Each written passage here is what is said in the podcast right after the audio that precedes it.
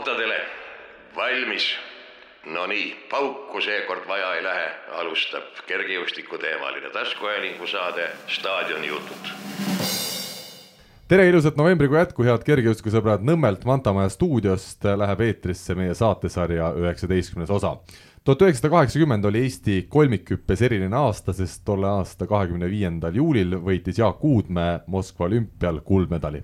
ja viis kuud hiljem, kahekümne neljandal detsembril nägi ilmavalgust tema poeg, hiljem teise eestlasena seitsmeteist meetri piiri alistanud Jaanus Uudmäe. tere tulemast äh, stuudiosse, Jaanus! tervist! No see on vist üsna tavaline sinu puhul, et ükskõik, kes, kuidas ja millal sinuga spordist räägib, siis ega, ega sinu isast väga ümber ei, ei minda, et ikka inimesi huvitab see, kuidas, kuidas olümpiavõitja pojana on, on olnud elada ja, ja ka sporti teha. nojah, nii see kipub olema. ega sul selle vastu midagi ei ole? Ei ole, ega see ei ole mingi häbiasi, see on päris meeldiv. ma olen sinuga täiesti nõus sellel, selles osas. me sinu isast Jaagust ja, ja emast Maiest jõuame rääkida siin eeskujude rubriigis, aga ma alustaksin hoopis sellest, et mitu trenni täna Jaanus Uudmäe teeb nädalas? ohohoo, äh, no ma ikka üritan kaks korda nädalas vähemalt käia, teha trenni, aga noh, seda ei saa võrrelda nüüd sellise kergejõustikutrenniga, et see on pigem natuke jõusaalis või siin kuskil väljas jooksmist ja ülejäänud viis päeva siis äh, elad spordivabalt või kuidagi muud moodi liigutad ennast? noh, sellist äh, tavaliikumist tuleb ikka ette, et äh, käin kas lastega väljas või rattaga sõitmas natukene, et päris jalad seinale ei istu viimati sa hüppasid minu andmetel võistlustel kolmikut pea poolteist aastat tagasi, ütleme isegi pea kaks aastat tagasi Eesti sisemeistrivõistlustel kaks tuhat üheksateist veebruaris. võitsid neljateist kaheksakümne seitsmega kulla seal. kas äh, see jäigi sinu karjääri ikkagi viimaseks võistlushüppeks või? või tuleb veel neid? noh, kunagi ei saa öelda, et see oli nüüd viimane kord päris, aga tõsi ta on jah, et viimastel aastatel olen käinud pigem ainult Eesti meistrivõistlustel võistlemas. Aga et võib tulla veel neid hüppeid Eesti meistrivõistlustel, kes teab, jah? no välistada ei saa, aga pigem on see ikkagi vähetõenäoline. iga aastaga satud üha vähem sinna naelikuid jalga panema ja, ja halli? nojah, täpselt nii on, sest ega see ütleme, hüppamine muutub järjest raskemaks, et kolmikhüpe on päris raske ala, et see ei ole ka nii, et lähed lihtsalt mööda minnes, paned ära, et see nõuab natukene trenni tegemist ja ja et kehal on ka päris suured koormused. sa saad kuu aja pärast neljakümne aastaseks, kas see hirmutab ka, see number sind äh,? Eriti ei hirmuta, aga selles mõttes jah, et ega sinna kolmikhüppesektorisse neljakümneselt nagu väga ei kipu enam. keskea kriisist äh, on esimesed märgid juba tekkinud või, või elad veel rõõmsat elu äh,? ise tunnen ennast rõõmsana, et seda kriisi kohta tuleb võib-olla teiste käest küsida äh,. oled sa uusi hobisid ka leidnud, kui kolmikhüppe oled nüüd äh, nii-öelda tahaplaanile jätnud äh,? ma ei ütleks niimoodi, et noh, mul hobide jaoks otseselt väga palju aega ei jää siin töö ja pere kõrvalt, et see võtab nagu põhilise enda alla no räägime sellest tööst, kus sa siis täna meil tegev oled? täna ma töötan Boltis, et olen seal pettuste vastase osakonna juht. no ütleme, ühele kergejõustiklasele firma nimega Bolt see nagu so sobib valatult, kuigi ma tean, et tegelikult nagu sa mhm. ütlesid, on seal hoopis teised tööotsad, aga sa töötasid aastaid ka Skype'is, ma tean, mis su roll seal oli? Täpselt nii, et Skype'i ma läksin siis, kui ma ülikooli lõpetasin, tulin Eestisse tagasi kaks tuhat seitse ja olin seal kümme aastat, äh, olin seal mitme rolli peal, et olin tarkvaraarendaja ja tootejuht ja. Teil see peres see arvutivärk kuidagi istub, mulle tundub või?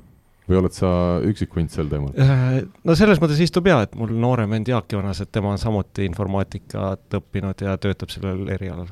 Kumb parem on oma erialal me niimoodi otseselt võistelnud ei ole, et see ei ole nii lihtne nagu kolmikhüpe, et lähed, paned joonele, et äh, tal läheb ka päris hästi, jah. Kuidas ema ja, ja isa arvutimaailmas on, kas piirduvad uudiste lugemiste ja, ja meili vaatamisega või on ka osavamad tänu, tänu poegadele juba? no nad on ikkagi põhiliselt jah, selle ütleme, tarbijad, mitte tootjad mul tuleb üks huvitav äh, tsitaat meelde sinu isa Jaagu ühest intervjuust. Ehm, nimelt siis sina oled ju õppinud Ameerika Ühendriikides, sinu noorem õde Merilin on õppinud ja noorem vend Jaak Joonas on, eks ole, õppinud samuti Ameerika Ühendriikides. aga te kõik olete tulnud tagasi Eestisse ja Jaak ütleski selles intervjuus, mis mul meelde tuleb siin, et, et, äh, et kui, kui oled ära käinud, siis tead, kui hea ja ilus meil siin Eestis tegelikult kõik on. kas sina kinnitad seda Jaagu poolt öeldut?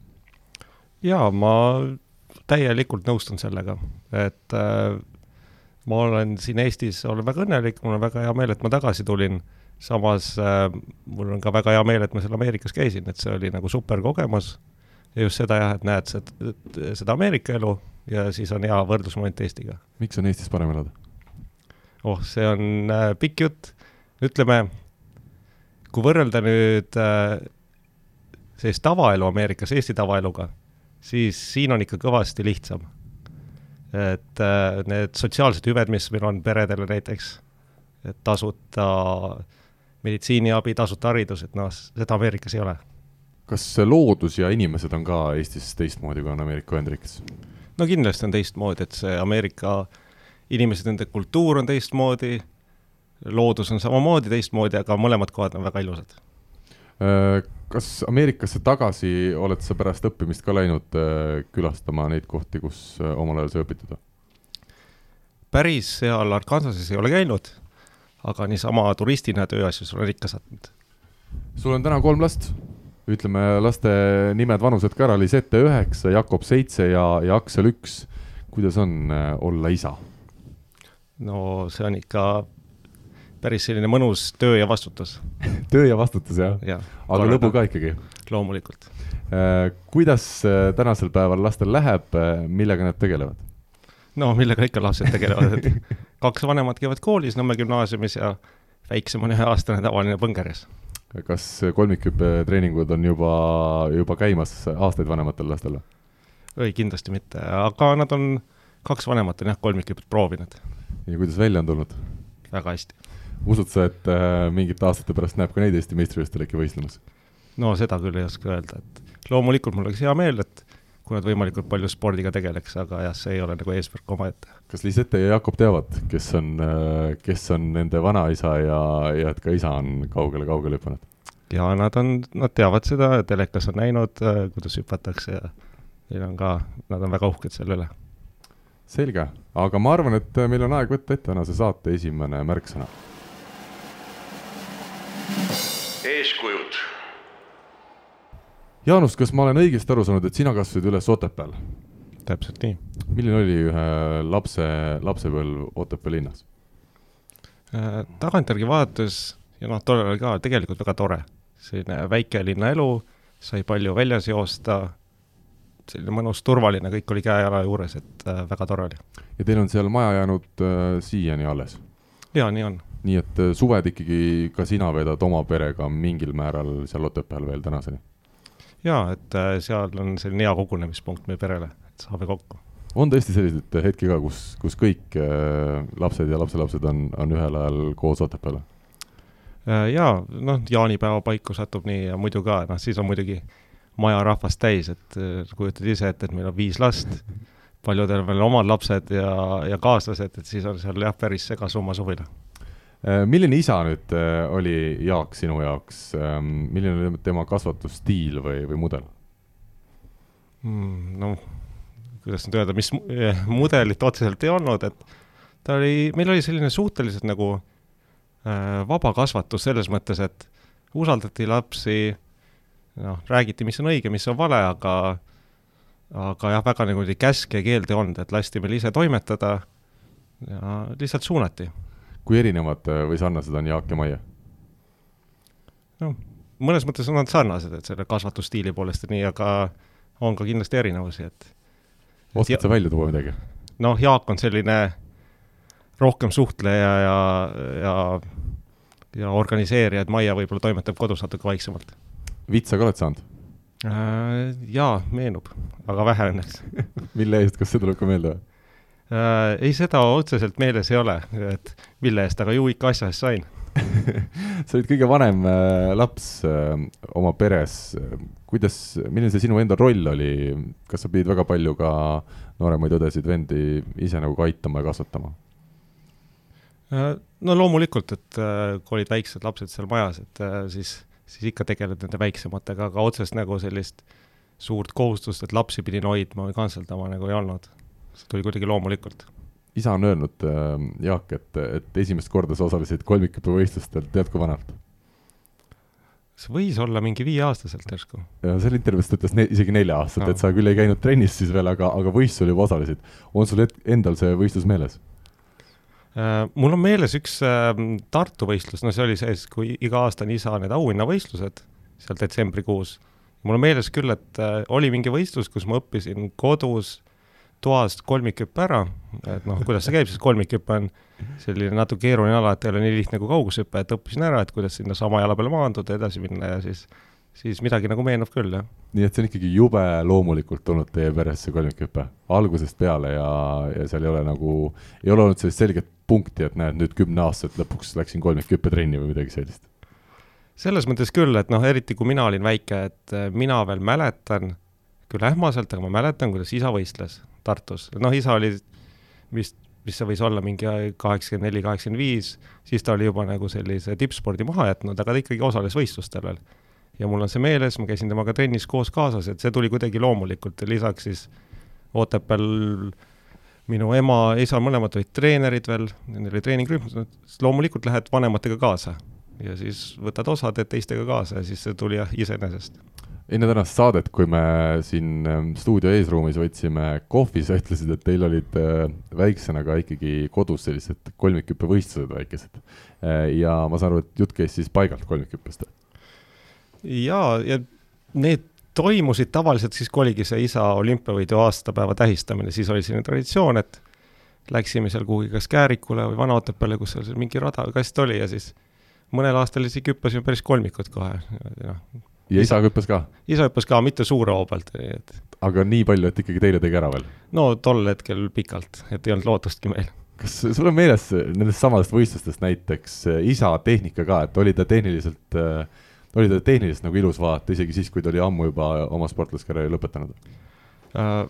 nii täpselt ma neid hüppeid ei mäleta ja no ausalt öeldes ka, et tollel hetkel ma arvan, noh, väikse lapsena, nii et ega sa ei oskagi vaadata seda tehnikat, ei oska hinnata, et nüüd tagantjärgi jah, kui ma ise olen seda ala teinud ja jälginud, et siis loomulikult, kui vaatad mingit hüppajat, et või isa videolindi hüpet, siis oskad nagu hinnata, et mida ta väga hästi teeb, mida saaks paremini teha.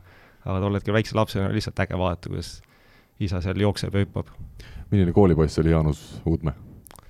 koolis läks mul alati väga hästi, et koolis mulle meeldis ja sain, sain väga hästi hakkama, et mul olid ikka kuni vist kümnenda klassini olid kõik viied.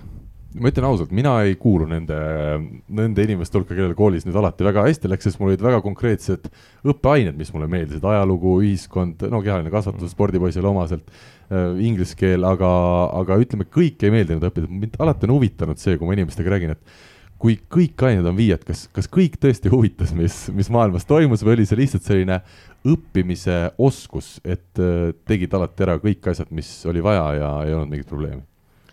kindlasti olid ained, mis meeldisid ikka rohkem ja siis olid ained, mis nii väga ei huvitanud, aga kui sul juba läheb nagu hästi ja sul on mingi paar ainet, kus võib-olla väga ei huvita, aga siis tekib jah, selline sportlik hasart, et noh, et kunstiõpetus ja väga hästi ei läinud, et väga, väga ägedaid joonistusi ei olnud, aga noh, et kui ma ikka piisavalt pingutan, et ma järsku saan selle viie kätte, et noh, tegelikult on ju äge, kui kõik on viied, eks ju, saab kiituskirja niimoodi. jaa.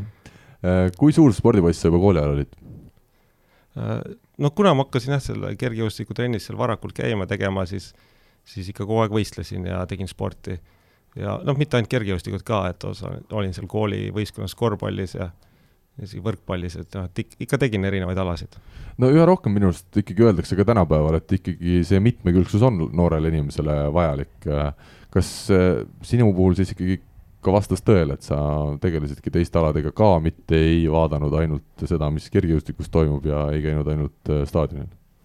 jaa, loomulikult, et äh, noh, see on ka huvitav, et kergejõustik on ikkagi selline individuaalspordiala, et see ütleme, meelelahutuse mõttes ei, ei ole nii põnev, et seal sõpradega jalgpalli mängida või korvpalli, et see see, see on selles mõttes sotsiaalselt ka nagu natuke huvitavam teha, et loomulikult tegin palju alasid, kas või noh, vennaga käisime suviti niisama tennist mängimas, et neid asju, mida saab teha, on ju palju.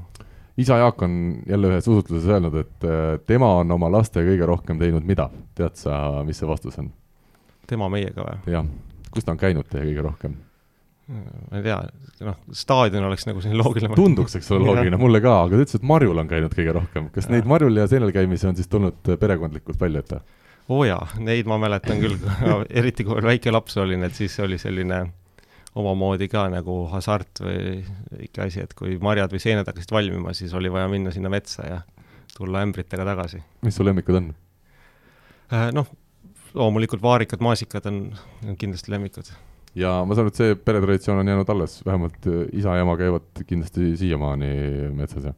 jaa, see on ju tegelikult väga selline mõnus hobi ka, et väga tervislik, viibid metsas, rahustav, toimetad seal vaikselt äh, nagu selline lihtne eesmärk, et need marjad või seened korvi saada ja sina lõpetasid äh, keskkooli üheksakümnendate lõpus äh, ja, ja läksid siis Arkansase ülikooli Ameerikasse õppima, ikkagi tol hetkel oli neid, kes läksid sinna, aga ta ei olnud, ütleme, maailm ikkagi olnud päris nii avatud, nagu ta kahe tuhande kahekümnendal aastal on, jätame selle koroona hetkeks kõrvale. milline see otsus tol hetkel oli ja, ja kui palju sa kahtlesid selles minekus? ma eriti ei kahelnud, et see oli nagu selline soov, et et jah, see on tõsi, et tollel hetkel nagu väga palju ei olnud käidud ja noh, infot ka nagu ei olnud nii palju, et internet oli olemas loomulikult juba, aga seda infot seal internetis, et kas või nende ülikoolide kohta, et mis programmid seal on, mis treenerid, mis õpilased, ega väga palju ei olnud. ja siis kuidagi noh, kuidagi ikka, ikka saime nagu nende treeneritega kontakti, sest see oli ka probleem, et saadad küll emaili, aga et kas see treener üldse seal loeb seda emaili, et ega sa ei teadnud ja noh, helistada ka, et tol hetkel oli helistamine väga kallis Ameerikas, et see nagu ei olnud variant. aga sul vedas vist kokkuvõttes, et see Arkansas ülikool osutus ju heaks valikuks vist igas mõttes? nojah, tegelikult see on pikem lugu, et kõigepealt ma läksin Lõuna-Illinois ülikooli. nii? et noh, et Ameerikas ülikooli saada, üks asi on sisse saada, teine asi on stipendiumile saada. et see esialgu mu tulemused ei võimaldanud Arkansase mastaabis kooli minna ja mis siis äh, lõpuks selle koha seal Arkansases tõi? no kui ma olin seal aasta olnud, seal Lõuna-Illinois ülikoolis, siis, siis ma hüppasin kuusteist, vist kolmkümmend kuus ja see oli juba selline tulemus, millega sai Arkansasesse. Ja kas Arkansas oli ka õppimise mõistes parem ülikool. No ma ütleks, et ta oli sama, mis Lõuna-Illinois, et hariduse mõttes neil väga suurt vahet ei olnud. Kui suur elumuudatus oli ühele noorele inimesele siis äh, minna õppima Ameerika Ühendriikidesse? Just jälle arvestades seda, et see milleeniumi vahetus oli veel, olime me siin Eestis veel päris kaugel sellest, mis Ühendriikides, mis elu elati? no kindlasti see oli selles mõttes väljakutse, et äh, sa lähed sinna, oled iseseisev, pead ise hakkama saama, eks ju, aga see Ameerika ühiskond, no see see ei ole nüüd väga erinev selles mõttes, et see on see, mida sa ju filmides näed, et sa nagu tead, mida oodata, et ega need filmid väga palju ei valeta et, et jah, et mingit väga suurt kultuurishokki nagu ei olnud. rahaliselt äh, said hakkama? kuidas seal stipendium tähendas seda, et sul oli ka mingi toetus?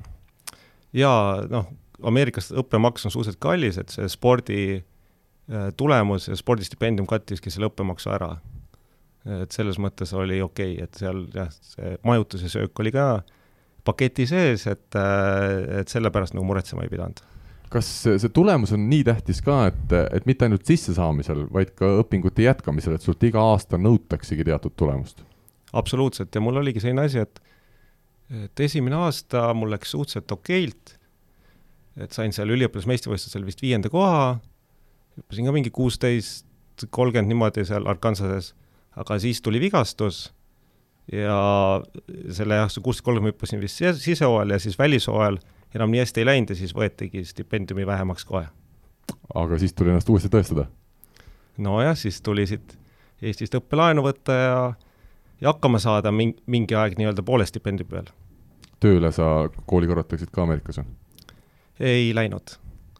Et selleks nagu aega ei olnud mida ülikool sulle õpetas, on sul mingid sellised selged mälestused, mida sa, mida sa just seal said, said teada või omandasid, peale selle informaatika siis eriala?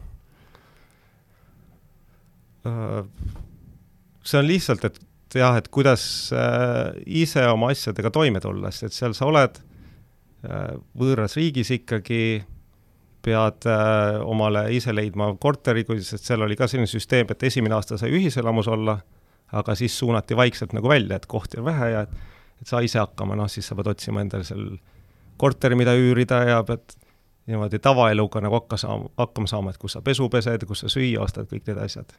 kui kõva oli seal ülikooli sees konkurents kergejõustikus ja, ja kolmikhüppes? no see oli väga kõva, sest Arkansase ülikool oli siis ja oli, on siiamaani üks top-ülikoole kergejõustikus, et see sisemine konkurents oli väga kõva ja seal oligi täpselt, et kui sa tulemust ei näidanud, siis oli suur tõenäosus, et tuleb keegi uus kolmikhüppaja, kes on sinust parem ja kes saab selle stipendiumi endale, sest neid stipendiumikohti on piiratud arv seal kas hoolimata sellest, et see sisemine konkurents tähendas ka sõna otseses mõttes siis seda, kuidas ja kui palju sa nii-öelda rahaliselt äh, sealt ülikoolilt vastu saad, äh, tähendas jah, et, et, et teil oli ka ülikooli sees selline üksteise vastu võitlemine või trennis tehti ikkagi koos mõnusalt, sõbralikult äh, asju? see oli ikkagi kindlasti edasiviiv konkurents, mis seal sees oli, et sellist äh, äh, ei olnud, et me oleks seal olnud nugade peal või nagu üksteise vastu olnud ja võistelnud selle stipendiumi pärast, et me olime ikkagi üks tiim, kes hoidis väga kokku ja olime ühe asja eest väljas, et see oli selline mõnus konkurents, mis viis edasi trennis. kes sinu ajal, kui sina ülikoolis õppisid, kõige tuntumad sportlased olid, kes kõige kaugemale jõudsid selle kergejõustiklastest äh,? minuga koos samal ajal, ma arvan, kõige tuntumad nimed on Tyson Gay ja Wallace Spearman, need sprinterid. et noh, neid sprintereid maailmas teatakse hästi ja neil läks ka väga hästi, et nad olid väga edukad pärast. palju sa nendega siis isiklikult kokku puutusid uh,? Wallace Spearmaniga puutusin päris palju kokku, sest alguses ta oli kohalik poiss kohalikust uh, keskkoolist ja ta tuli lihtsalt tiimi, nagu Ameerikas öeldakse selle kohta walk-on, et stipendiumi ei ole, et ta tahtis lihtsalt, et et ma tulen ka trenni ja ta, ta liitus algushüppajate tiimiga, sest ta oli mingi seitse meetrit kaugust hüpanud sealt. ja siis ta tegi esimene poolaasta, tegi jah, meiega koos trenni. et selles mõttes ma tunnen teda suhteliselt hästi. ja milline isik substants äh,? väga lahe tüüp, selline hästi sõbralik ja, ja noh, muidugi väga talendikas ja aga vaatamata oma talendile ja hiljem, saadud kuulsusele, ta on endiselt jäänud selliseks mõnusaks meheks. Ole hea, ütle, milles see talent väljendus või kuidas seda näha oli, mida ta tegi teistest paremini? arenes lihtsalt kiiremini ja paremini? arenes kiiremini jah, et tegi ju sama trenni, mis meie ja siis lihtsalt äh, esimene võistlus oligi, et siis kaugushüppe tal nii hästi ikka välja ei tulnud ja läks kahtesadat jooksma ja jooksis mingi ulmelise aja aga Tyson Gay, ütleme selle kahekümne esimese sajandi võib öelda ilmselt Ameerika Ühendriikide üks kuulsamaid kergejõustiklasi, mis teda iseloomustas? ja kui palju sa temaga siis kokku puutusid? no tema, ta tuli juba meie ülikooli ka mingist teisest ülikoolist ja siis ta oli juba nagu staar. selles mõttes, et kõik teadsid, kes ta on, et ta oli tegija, aga ikkagi temaga sai nagu normaalselt suhelda, et, et oli ikkagi tavainimene meie jaoks. Ja tema, ütleme, talendi väljendumisest ka natukene või, või mida ta hästi tegi, ma saan aru, et lihtsalt jooksis kiiresti, aga, aga oskad sa kuidagi natuke lähemalt äh, selgitada? tema puhul ma ütleks, et tal oli päris selline professionaalne suhtumine. et äh, ta tegi kõiki asju ikka eesmärgi nimel kiiresti joosta. et see oli nagu näha, et ta võttis seda asja väga tõsiselt. Vahel see juba tundub imelikuna, kui palju eestlased küsivad selle kohta, et kas Eestit teatakse, aga kas Wallace Spearman ja, ja Tyson Gay tänu sinule on teadlikud, kus kandis asub Eesti ja et selline riik üldse olemas on? või see ei tulnud otseselt jutuks? teavad küll, nad ikka tundsid huvi, et kust sa pärit oled ja mis nii ja ma olen nende Äh, Wallace ja Dysoni puhul oli ka see asi, et nad ju pärast reisisid, käisid Euroopas võistlemas päris palju ja siin Helsingi MM-il, et nad ikka teadsid, et see on Eesti lähedal. selge, nii et sa oled juba nii-öelda tutvustanud neile seda piirkonda siin, jah? mida üks eestlane, kes õpib Ameerika Ühendriikides, üldse ütleb äh, ameeriklastele, kui küsitaksegi, et äh, kust riigist sa pärit oled ja, mis sinu riiki iseloomustab? ma kujutan ette, sul on mingid stampvastused ilmselt juba välja kujunenud, kuna seda küsitakse suhteliselt äh, tihedasti on küll jah, et äh, sest noh, neid ameeriklasi on ka nii palju erinevaid, et mõne puhul sa pead hakkama seletama, et see on Euroopas. mis on Euroopa? jah, hakkad jah seletama nagu hästi lihtsatest asjadest ja aga siis sa puutud kokku ka inimestega, kes on Eestis käinud, et et see on täitsa seinast seina, et kunagi ei tea, et kelle otsa sa satud. aga noh, põhimõtteliselt hakkad jah pihta, et kui ta ei tea Eestist suurt midagi, ütled, et väike riik, Ida-Euroopas, suhteliselt põhjas et.... kuidas sul inglise keelega lood on? Äh, täiesti perfektselt omandatud ja, ja tänase päevani töös pead kasutama? ma ei ütleks nüüd perfektselt, aga tööalaselt jah, meil Boltis on rahvusvaheline seltskond koos, et äh, töökeel on inglise keel. kas äh, vanema põlvkonna rõõmuks räägid ka vene keelt? Vene keelt ei räägi, millest on isegi natuke kahjust, et koolis sai seda päris palju õpitud, aga kuna ei ole nagu võimalust olnud seda praktiseerida, siis see on pigem sellisel tasemel, et ma saan aru, kui keegi minule midagi räägib teinekord töö juures kuulen, kuidas seal vene rahvusest äh, tarkvaraarendajad omavahel midagi arutavad, et ma saan päris palju sellest aru, aga ma ise nagu ei saa vestlusest osa võtta vene keeles. selge. kuidas eeskujudega lood on, kuna märksõnaks on eeskujud, siis kas sa oskad oma oma sportlaskarjäärist või elust ka tuua välja sellised suuremad eeskujud? mul ei olnud otseselt eeskuju, kes ütleks, et vaat, et ma tahan olla täpselt nagu tema, noh et loomulikult vaatad selliseid kolmikhüppestaare nagu Jonathan Edwards, eks ju, et et kuidas tema teeb ja, ja tema hüppetehnika on väga ilus vaadata ja et tahad ju teha tema moodi, aga ta ei olnud nüüd otseselt eeskuju, et ma tahan nüüd kõiges tema moodi olla, täpselt nii, nii teha nagu tema. no kuna minu vaieldamatu lemmik on Jonathan Edwards üldse kergejõustikumaailmas läbi aastate äh, olnud ja ma olen seda varemgi siin saates öelnud, siis ma hea meelega sinu kui kolmikhüppajaga ka paar sõna temast räägiksin jätkuvalt tundub müstika, kuidas see mees äh, seda meeletut hoogu, mis ta siis sammudega peale joostes ja hüppesse minemisel sundis, suutis edasi kanda. kas see tundub ka sinule sama müstiline, nagu see, see tundub minul, minul?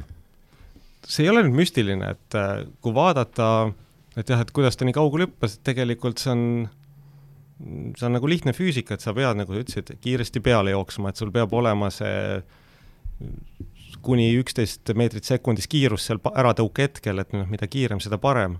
et tema suutis selle kiiruse koguda, suutis äh, selle kõik hüppesse edasi kanda ja siis tal oli väga selline efektiivne ja optimaalne hüppetehnika, et ta suutis säilitada oma kiirust, ei lennanud liiga madalalt, ei lennanud liiga kõrgelt, et et suutis selle kõik kokku panna, et selles mõttes see ei ole midagi üleloomulikku, mis ta tegi, aga ta on üks väheseid jah, kes selle asja nagu üheks paketiks kokku paneb ja see, seetõttu hüppas nii kaugele. miks ei ole mitte keegi teine ei varem ega hiljem nii kaugele hüpanud? no siin on ju olnud tegelikult hüppajaid, kes on väga lähedale tulnud, et praegusteski vaatad, siin Kristjan Taylor on korduvalt üle kaheksateist meetri hüpanud ja temal on samamoodi väga hea tehnika, et see on aja küsimus, et kuni, kuna keegi selle üle hüppab, aga muidugi jah, Jonathan Edwardsi rekord on ikka väga kaua juba püsinud. see on päris kõva, kõva rekord kas Edwardsi kehakuju, kuigi sa peale vaatad ja, ja tundub, et tal ei ole see, noh, tavariietes võib vaadata, et see pole spordimeeski, aga kui sa näed ikkagi võistlusvormis, tal on pikad jalad, tal on hästi selline õbluke ülakeha, kas see on ideaalne keha, millega hüpata kolmikut või see oleneb hüppaja stiilist? ma arvan, et see oleneb hüppaja stiilist, et kui siin vaadata, et siin on ikka igasuguseid erilisi kujusid olnud, kes kolmikut hüpata, et Ervasi puhul tõesti, et ta äh, tal need pikad jalad, eks ju, aitavad, et suhteliselt äh, kerge ülakeha, et et kolmikhüppe puhul ju ülakeha raskus on kõik lisaraskus, et kui sul suured biitsepsid on, et sellest eriti hüppel kasu ei ole. aga ta jah, Edvardson oli kiire ja samas ka väga tugev. et see küll välja ei paistnud, et tal ei olnud seda suurt lihasmassi, mida näha oleks, aga kui vaadata ja uskuda tema seal jõusaali neid rekordeid, et siis see, ta oli ikka väga-väga tugev, väga plahvatuslik.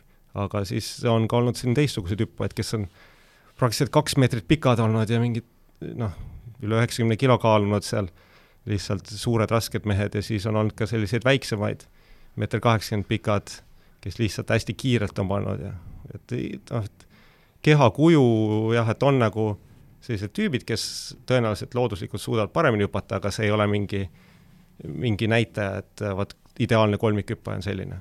Ma ütlen vahele ära ka, et Edwards peaks olema siis sada kaheksakümmend kaks sentimeetrit pikk ja seitsekümmend üks kilo oli tal see võistluskaal. Äh, kui palju sõltub kolmikhüppes just konkreetselt ikkagi andest, kas see on paratamatu, et äh, osadel meestel on see, on need jalad kuidagi võimsamad ja, ja hüpped kanduvadki kaugemale või sa usud sellesse, et ikkagi meeletu töö on see, mis on äh, kõik maailma tipud nii kaugele viinud? ma arvan, et noh, et sul peavad olema mingid looduslikud eeldused. et jah, et äh, Edwardsi puhul see, ma ei tea, kui pikal tal see, pikad tal need jalad olid seal, eks ju, meeter kaheksakümne kahe juures, aga pealevaates ikkagi suhteliselt pikad, et kui sul on lühikesed jalad, et noh, siis, siis on paratamatult raske, eks ju, kaugele seal hüpata, aga seal taga on ikkagi väga palju tööd ja õiget tööd ja ja see, see on ikkagi see, mis on põhiline minu arvates kas Edalsi puhul võib olla ka nii, et kuna ta on äh, akadeemiliselt väga kaugele jõudnud ja me siin enne saadet sinuga isegi koos vaatasime, et ta on vist audoktorant äh, kuskil ülikoolides või doktor, kuidas iganes õige on seda nimetada, et kas see võib-olla aitas ka tal selline väga ütleme siis intelligentne inimesena olemine aitas tal võib-olla ka nii kaugele jõuda kolmikhüppes, et ta suutis võib-olla treeningutel tehagi midagi teistmoodi ja, ja paremini ja, ja uuenduslikult, mis aitas lennata nii kaugele? see võib nii olla, aga ei pruugi, et äh, noh, mõnikord selline liigne nutikus või liigne ülemõtlemine ei tule ka kasuks. et sul peab ka olema sellist natuke, kuidas öelda, natuke talumehe sellist. talumehe jah, või, või isegi natuke lolli eneseusku, et et vaatamata kõigile faktidele, sa pead natuke uskuma, et tegelikult sa suudad veel paremini, veel kaugemale, et et noh, et muidu, kui sa kõike nagu üle analüüsid, siis sa jääd sinna kinni ja mõtled, et noh, kui vaadata neid näitajaid, et miks mina peaks olema, kes hüppab kaugemale, aga sul peab, peab olema nagu mõlemat, et see õigel ajal analüüsimine oma tegevuse ja trenni üle, et see on nagu väga vajalik oskus sportlase puhul. aga peab olema ka jah, sellist lolli enesekindlust. aga meil on nüüd lolli enesekindlust piisavalt, et minna edasi järgmise märksõna juurde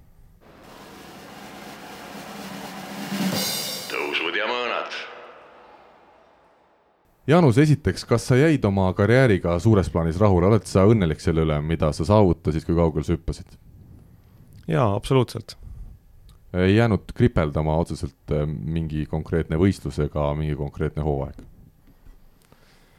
no kindlasti oleks saanud paremini minna, seal äh, noh, tagantjärgi vaatasin alati need jutud, et äh, olid mingid katsed, mis olid üle astutud, mis olid väga head, aga noh, see on spordi osa, et ma arvan, et kokkuvõttes mul tuli ikkagi äh, suhteliselt hästi välja ja oma tulemuse ma tegin ära, et jah, ideaaljuhtudel, kui oleks püsinud tervem seal mingi hooaeg, siis oleks ju võinud veel kaugemale hüpata, aga noh, need on kõik oleksid, et ikkagi üldjoontes ma olen rahul ja realiseerisin oma võimed ära, ma arvan no kahe tuhande üheksanda aasta Torino Euroopa meistrivõistlused on eestlastel tegelikult mitte meeles ainult Xenia Balta ja Mikk Pahapilli kuldmedalite tõttu, vaid ka ühe suurüllatuse tõttu, kui sina siis esmakordselt elus seitsmeteist meetri piiri alistasid, seitseteist null kuus kolmikhüppe kvalifikatsioonis äh, tulemuseks said ja selle kvalifikatsiooni võitsid kas äh, see on üks selline võistlus, mis sul tänasel, tänase päevani toob äh, näo muigele ja, ja loed seda oma karjääri selliseks tipphetkeks? Või tegelikult sa ju võitsid ka USA üliõpilasmeistrivõistlused kolm aastat varem, et äh, mida sa ise siis kõige tähtsamaks tulemuseks ja, ja saavutuseks pead? ma arvan, jah, tiitli mõttes on see üliõpilasmeistrivõistluste võit nagu suurem saavutus minu jaoks, et see on ikkagi võit, sa võidad üliõpilasmeistrivõistlused ära, mis on väga suur asi Ameerikas ja minu jaoks oli ka, et see oli nagu suur kordaminek, et äh, see Torino tulemus oli, oli natuke üllatus, et ma suutsin selle jah, nagu isikliku rekordi tol hetkel nii kaugele viia kohe, et enne oli vist hüpanud mingi seal kuusteist viiskümmend üheksa ja siis seitseteist null kuus, et see oli ikka, oli natuke üllatus, aga mitte mingi müstika, et äh, noh, see on siiamaani, eks ju, see jäigi minu isiklikuks rekordiks. nelikümmend seitse sentimeetrit ühe võistlusega, nagu sa ise ütlesid, kuidas see võimalik on? Noh, kolmikhüppes see nii võimatu ei ole või nii müstiline, sest et sul on kolm katset, et kui sa jagad see nelikümmend seitse sentimeetrit kolme hüppe peale ära, siis see on täitsa tavaline, et kaugushüppes see on tõesti, oleks nagu erakordne, kolmikhüppes see on, see on, ei ole haruldane, tuleb ette sa ise ütlesid pärast seda kvalifikatsiooni Eesti meediale, et tegelikult tehniliselt ei olnud tegu veel sugugi perfektse hüppega. oled sa tänaseni seda meelt ja, ja mida seal siis saanuks selles hüppes veel konkreetselt paremaks äh, lihvida? jah, seda loomulikult, et noh, üldiselt ta tuli ikkagi hüppena ju väga hästi välja, et ma suutsin jah, oma kiiruse sinna hüppesse kõik rakendada ja lennata päris kaugele, aga ütleme, kui hakata nüüd neid detailideks lahti lõhkuma, et kus seal veel varu oli, et äh, minu natuke probleem oli see, et minu esimene samm ei olnud nii pikk, kui ta oleks võinud olla, et see liigutus ei olnud piisavalt avar, aga see oli mul nagu selline läbiv probleem, et ei saa öelda, et see oli selle ühe hüppe probleem. Väga hea, mulle need tehnilised nüansid meeldivad ja nende juurde me tuleme siin saate viimases osas, aga neli sentimeetrit jäi sul siis isa siserekordist puudu, kas kas see isa siserekord oligi sul tegelikult üks selliseid suuremaid eesmärke ka kogu karjääri jooksul, et, et see siserekord seitseteist kümme üle hüpata?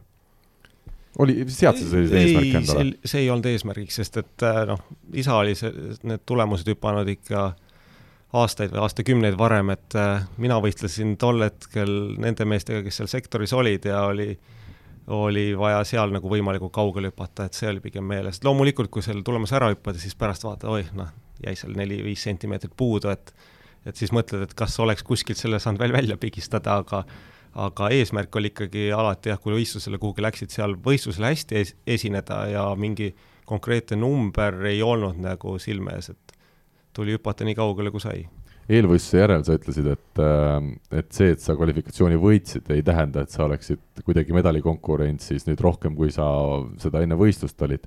ütle päris ausalt, kas ikkagi sportlane, sa olid tol hetkel kahekümne kaheksa aastane, kui sa olid selle eelvõistluse võitnud, ma usun, sind oli Eesti meedias ka kiidetud parasjagu selle eelvõistluse järel. kas sul endal ikkagi ka ronisid need mõtted tegelikult pähe, et äkki õnnestubki siit midagi väga erilist ka finaalvõistlusel välja valuda, ma ütlen lihtsalt kuulajatele ära, et sa lõpuks siis lõpetasid Euroopa meistrivõistlused seitsmenda kohaga. Kuusteist, seitsekümmend kolm oli finaalis sinu tulemus. ei mingit sellist äh, mõtet, et nüüd ma lähen kohe medali pärast võitlema, ei olnud peas, aga samas see tekitas enesekindlust, et loomulikult sa hüppasid just hea tulemuse, et et sa nägid, et ma ju suudan seda, et noh, tunne oli hea, et selle pealt oli nagu parem minna lõppvõistlusele võistlema, aga paraku see oligi, see oli selline huvitav hooaeg mul, et kogu see ettevalmistus, et mul nagu hooajal vältel oli teinud häda minu tõukejala põlv. ja see, ja see, see saigi nagu probleemiks seal lõppvõistlusel ka, et see põlv segas piisavalt palju, et see võistluse kvalifikatsioon ja lõppvõistlus olid suhteliselt järjest, et et see põlv segas mind piisavalt, et ma ei saanud nagu maksimumi võtta sealt lõppvõistluselt. Torinos oli eriline rada maas, seda on räägitud siin hillemgi ja, ja me mäletame seda. sinu jaoks vist sobis see rada eelkõige seetõttu, et sa olid Ameerika Ühendriikides harjunud taolise natuke siis, kas võib öelda vetruva võistlustartaani peal võistlema nojah, see rada, mis seal oli, oli selline tõstetud rada, et ta on nagu platvormi peal, et ta ei ole nii-öelda betooni peal, vaid äh, sellise puitkarkassi peal. et selle tõttu ta põrkab natuke teistmoodi, et ta ei ole nüüd vetruv, et ta ei ole mingi selline batuudi moodi. batuudi moodi jah, või nagu nendel sportvõimlejatel on, eks ju, sellised vedrud all, aga ta on, ta on teistmoodi, et see põrge on natukene eriline, et et mõnedele see nagu üldse ei sobi, et mõnedel see niidab sõna otseses mõttes jalad alt ära, et kui sa lähed sinna, siis oled seal poolenisti põlvili, et ja sa hüppasid, et minule see sobis, et jah, meil ülikoolis Arkansases oli sama rada sise, sisevõistlustel, ma olin nagu harjunud, et üks asi, mis selle raja puhul on eriline, on see, et kuna ta on tõstetud, siis kui sa seal peal jooksed, siis ta kumiseb hullusti. ja et lihtsalt see, ja sa kuuled seda ise ja sul võib tekkida tunne, et sa jooksed nagu elevant. ja sa võid jääda ennast kuulama ja selle tõttu see noh, rikub sul rütmi ära et kui sa oled sellega harjunud ja selle peale ei mõtle, et siis sellest on ka päris palju abi. no aga võtamegi nüüd näiteks äh, Lasnamäe spordihalli, Tallinna spordihalli, Audentse spordihalli, mis siis kõik on nii-öelda ehitatud sedasi juba, seal ei ole mingi platvormi peal need. kuivõrd erinev äh, see on siis sportlase jaoks, kas, kas selline tartaani vahe tähendab, et sa pidid ka hoopis teistmoodi hüppama kuidagi tunnetuslikult või selles suhtes on kolmikhüpe täpselt samasugune? see on täpselt samasugune, et need hüppama pead ikka samamoodi, et äh, samamoodi kiiresti oma liigutused ära tegema ja ja seal, kui sa hakkad mõtlema, et midagi teisiti teen, siis sa oled juba seal kaotanud, et et ta on ikkagi tava, tavaline hüppamine, et see, kes hüppab hästi ühe peal, hüppab hästi teise peal, et sellist asja nüüd ei ole, et et oh, et kui mina saan sinna äh, tõstetud raja peale, siis hakkan põmmutama, et äh, see, see on pigem nagu pärast kellegi vabandus, kui hästi välja ei tule. mulle siin jälle saadet ette valmistades tuli ette selline asi, et et äh, tegelikult ega sa sinna Euroopa meistrivõistlusele peaaegu polekski pääsenud, see oli mingi eriklausel, mis siis tehti äh, muuhulgas sinule, et sind sinna võistlema ikkagi lasti. Ähm, sellest lähtuvalt ma küsin, et ähm, kui palju, kui tähtis on ühe sportlase jaoks see, et ta sedasi ikkagi võistlema pääseb ja kas selline näide ka annab märku, et tegelikult ikkagi, kui sportlane on vähegi seal normi lähistel äh, Äh, ükskõik siis millisel kergejõustikualal tiitlivõistlustest käib jutt, et siis tuleks äh, teha alaliidul kõik, et, et sportlane sinna saata, sest, sest kunagi ei tea, mis võib juhtuda. jaa, et äh, kui seda sporti üldse teed, siis sa ju võistled ikkagi selle nimel, et, et saada sinna tiitlivõistluse, seal hästi teha. et eesmärk ei ole kuskil siin kodustel võistlustel võimalikult hea tulemus hüpata ja sellega piirduda, et sa tahad ju minna nagu teistega otseselt vahetusvõistlusesse ära teha et äh, minu puhul, ma mäletan, see aasta oli kuidagi tehtud see imelik või teistmoodi süsteem, et ei olnud nagu normatiiv, et ei olnud, et hüppad mingi kuusteist pool ära ja siis saad peale. et vist tehti nii, et Eestis, et kuidagi mingi Jahvi punktitabeli alusel võetakse, et kuidagi kümme paremat vist. kümme paremat jah, et noh, see oli võib-olla majanduslikel põhjustel või niimoodi, et et võeti ette, et mis on, see ei ole päris äh, kuidagi objektiivne, sest et väga raske on võrrelda nagu mingit tõkkejooksjat, äh, kõrgushüppajat ja kolmikhüppajat lihtsalt punktitabeli alusel, punktitabel ei ole nagu alati kõige parem näitaja. et äh, seal on, noh, tuleb vaadata ju mitmeid asju täpselt, et kuidas sa paikned seal Euroopa edetabelis äh,, kõiki neid aspekte. et lõpuks õnneks oligi, et Eestis oli sellel aastal oli väga palju häid tegijaid ja siis tehtigi erandid, et okei okay,, alguses ütlesime, et kümme, siis võeti vist lõpuks kaksteist inimest. et see oli väga õige otsus, sest et sa kunagi ei tea, kellel see hästi välja tuleb, et ja kui nii palju inimesi on kaasas, et kellelgi läheb alati ka halvemini. et noh, mida rohkem inimesi on, seda suurem võimalus, et sul on neid õnnestujaid ka kas pärast seda kahe tuhande üheksandat aastat, seda Euroopa meistrivõistlust ikkagi kokkuvõttes igal juhul õnnestumist, sa ka kuidagi muutusid, tahtsid seda sporti teha tõsisemalt kui varem, õnnestus sul mingeid toetajaid tänu sellele leida? kindlasti see kasvatas mu enese usku, enesekindlust. Et äh, ma olin jah, kakskümmend kaheksa aastat vana, aga ma nägin, et ma suudan veel, et kui teen siin trenni, samamoodi edasi, et liigun õiges suunas, et äh, et kõik läheb hästi. toetajate mõttes oli keeruline, sest siis tuli just see majanduslangus surutas peale, et siis nagu raha ei olnud seal kuskilt jalaga segada, et et samamoodi käisin tööl edasi nagu enne ja lihtsalt oli nagu kuidagi kindlam tunne trenni minna või teadsid, et, et see ei ole ainult mingi enda hobi, vaid et, et siit võib veel tulla mingeid häid tulemusi Äh, vigastused on paratamatu osa sportlase elust äh, ja sinul ka neid vigastusi ikkagi oli sportlaskarjääri jooksul omajagu, põlved vist kõige rohkem andsid tunda läbi aastate? nii oli jah, et äh, see oligi, sai minu nagu nõrgaks kohaks, et et oli neid põlvevigastusi ja lõikusi päris mitu ja see lõi nagu oma pitsi nendele hooaegadele. Oled sa ise tagantjärele mõelnud ka, et kes sai noores eas tehtud trenni kuidagi valesti, forsseeritult äh, või, või miks need vigastused tekkisid, kas seal annab mingeid selliseid mustreid välja lugeda või see on jälle lihtsalt äh, geenides kinni, et kellele on antud rohkem ja kellele vähem? ma ei ütleks jah, et äh, noorena nüüd liiga palju trenni küll ei teinud, et ma käisin seal kogu aeg äh, vanematega trennis kaasas, aga need olid väga mängulised treeningud ja meil ei olnud mingit hullu tampi seal peal ja mingeid raskeid treeninguid, et pigem oli geneetiline pool jah, et mu kehakuju selline ja kui ma kasvasin ka hästi kiiresti seal, kui oli mingi üheksandas, kümnes klass, et siis äh, põlved lõid kohe nagu see, lõid välja kui nõrk koht, et need hakkasid valutama, et see oli nagu selline soodumus looduslikult. et selles mõttes need ei olnud äh, kindlasti ideaalsed kolmikhüppaja põlved, et nende koormuste jaoks äh, oleks olnud vaja teistsuguseid põlvi palju sinul neid raskeid hetki karjääris oli, mil sa mõtlesidki, et näed jälle, jälle justkui hakkan jõudma juba vormi, aga, aga tuleb jälle mingisugune tagasilöök siis vigastuse näol, et, et kas ma üldse suudan ja, ja tahan jätkata? no neid raskeid hetki oli küll jah, täpselt, et kui seal Arkansas ülikoolis olin, et et teed nagu kõik õigesti, teed seal korralikult trenni ja siis tuleb, tuleb jälle mingi loll vigastus või põrutad seal kuskil kanna ära väänad pöida ja sul on nagu vaatad, et nüüd ei pääse sinna üliõpilasmeistrivõistlustele sellepärast või läbi valu hüppad, et see ei ole nagu meeldiv tunne, et sa tead, et äh, sa üritad seda valu küll oma peas ära blokeerida, et sul see pöid on natuke valus ja paistes, aga tegelikult sa tead, et kui sa jala maha paned seal, et noh, see ei ole see õige, õige tunne, sul on kergelt valus ja see ei võimalda sul jah, maksimumsooritust teha tuleme selle kahe tuhande kuuenda aasta USA üliõpilasmeistritiitli juurde ka. ma tean, et Ameerika Ühendriikides ikkagi tulla kergejõustikus ükskõik millisel alal USA üliõpilasmeistriks, see tõstab sind kohe hoopis teise seisusesse, olen ma õigesti aru saanud?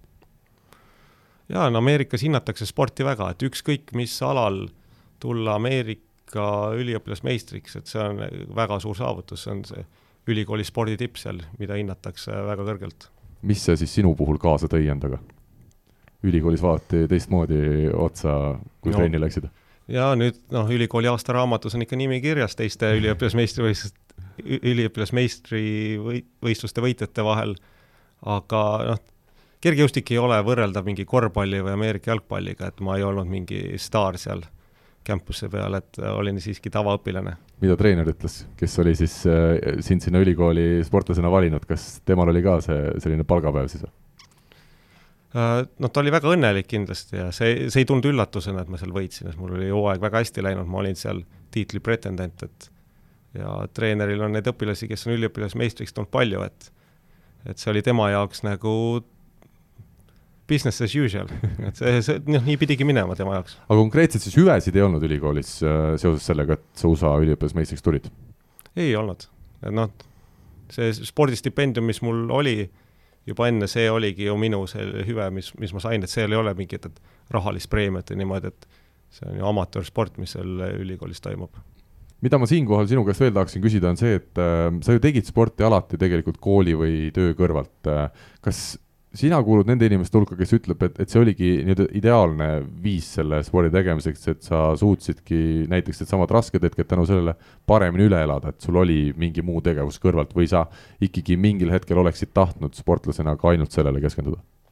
ma arvan, et minu jaoks isiklikult oli see väga õige ja kõige parem viis, sest et ja et ülikoolis käies seal Ameerikas seda sporti teha, selleks noh, need asjad käisid koos, sa olidki üliõpilane, kes teeb sporti, et see oli nagu loomulik asi ja ma üritasin ka seetõttu sellest akadeemilisest osast seal maksimumi võtta.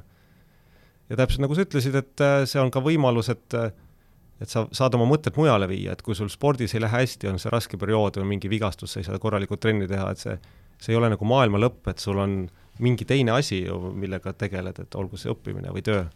et see sobis mulle väga hästi nii et sina ütled, et tippsporti ja täisprofessionaalset sporti on võimalik teha ka nii, et sa käidki kõrvalt näiteks tööl, et, äh, et sa mahutad oma trennid ilusasti hommikusse ja õhtusse näiteks ära ja, ja sa ei jää nagu millestki ilma?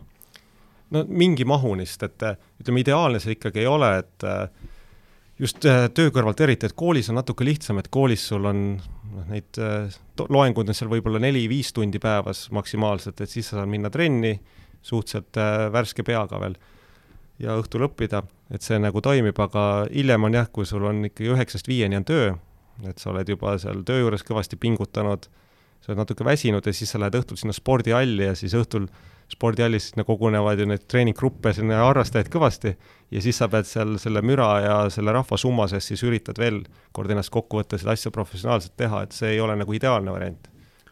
Mulle tundub, et äh, tänasel päeval on juba, sul on selles suhtes vedanud, et sa tegid sporti siis, kui ei koosnenud need kergejõustikallid ainult nendest äh, viiekümneaastastest harrastajatest, kes ei tea, kuidas olla ja kus olla seal raja peal? Äh, jaa, et äh, nüüd ma näen, et see asi on nagu selles mõttes raskemaks läinud, samas see on ka nagu märk selleks, et tegelikult neid spordihalle peaks juurde ehitama, et noh, nõudlus on kindlasti olemas, aga jah, seal seda tippsporti seal teha on selle tõttu palju keerulisem, et lihtsalt füüsiliselt juba sul raja peal ei ole ruumi, et kui sa jooksed seal mingit sprinti või teed praegu, siis sa pead kogu aeg kõrvale vaatama, et kes sulle nüüd ette astub või kus sa sealt läbi mahud, et see on nagu lisapinge, mis, mis sul peal on. no kui seda teemat natuke jätkata, siis mina mäletan ka noorena kergejõustikku tehes ja seal hallis käies või hallides käies, siis oli ikkagi väga selgelt teada, millisel rajal joostakse sprinti, millisel rajal sörgitakse ja nii edasi. ja sa said ikkagi oma asja teha suhteliselt korralikult. tänasel päeval ongi neid harrastajaid, kes ei tea ööd ega mütsi nendest reeglitest või siis välja kujunenud tavadest nii palju, et ütleme, sellisel tipptunnil joosta lõiku, see on selline noh, natuke kamikaatse moodi tegevus juba see on jah, ekstreemsport, et see nagu USA-s seal ülikoolis käies oli ka super asi, et meil see staadion ja sisehall, et see oli kergejõustiklaste päralt. et kui me läksime sinna trenni, siis seal kedagi teist ei olnud, et et saime seal kõik oma asjad ära teha, sai keskenduda sellele spordi tegemisele.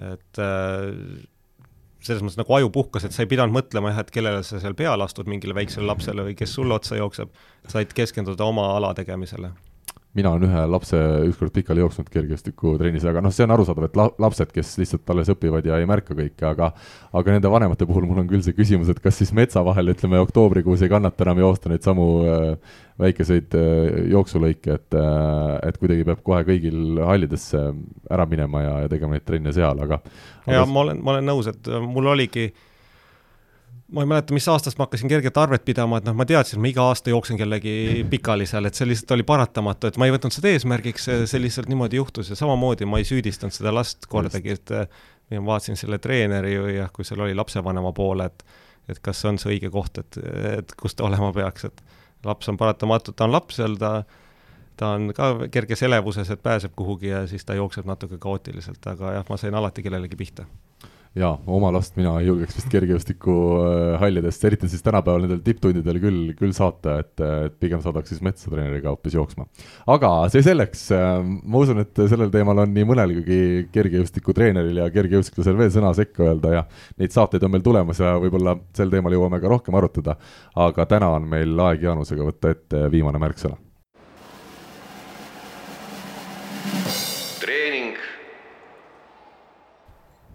me oleme rääkinud isast Jaagust ja emast Maiest täna, aga millised treenerid olid sinu vanemad või on tänase päevani sinu vanemad? kuidas nüüd võrrelda, et nad on natuke erinevad treenerid, et äh, Jaak on äh, selline noh, ta, tema teab kolmikhüppest päris palju ja tema teab, kuidas tema omal ajal treenis liidukoondises, mis oli noh, selline eriti karm süsteem. aga ta, ta oli pigem selline treener ja on selline treener, kes hoiab nagu sportlast tagasi. Väga lihtne on öelda, et noh, et nüüd hakkame hullusti siin raiuma ja teeme hästi-hästi palju lõike hästi,, hästi-hästi palju sammhüppeid, et et seda ju oskab igaüks tegelikult, et tema oli just see, kes nagu pigem jälgis seda puhkemist, et ja, ja taastumisosa, et et see asi oleks paigas ja balansis. kui tähtis on taastumine? no väga tähtis ja vaadates, palju mul on vigastusi olnud, et siis võib-olla see on asi, mida ma oleks pidanud veel paremini tegema, et et tõesti, et treenida ju tegelikult oskab igaüks, et need harjutused, mida tehakse, et need ei ole mingi saladus, need on ju näha, mida kõik teevad, sellest kirjutatakse, aga just, et teha neid harjutusi parajal hulgal, mis teevad su paremaks, aga mitte su keha ära ei lõhu, et see ongi see kunst.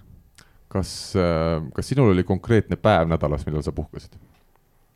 ta kujunes niimoodi välja küll, eriti kui ma jah, tööl käisin, noh, kui ülikoolis ka tegelikult, et pühapäev ikkagi oli vaba päev, sest sul on mingit päeva nädalas vaja, kus sa tege-, sul ei ole nagu mingeid kohustusi, et sa pead minema kuhugi tööle või sa pead minema trenni, et sa saad ka vaimselt välja puhata Risto Jamnese intervjuud lugesin, äh, füsioterapeudi oma siin äh, mõned päevad tagasi ilmus vist Postimehes, väga hea lugu oli.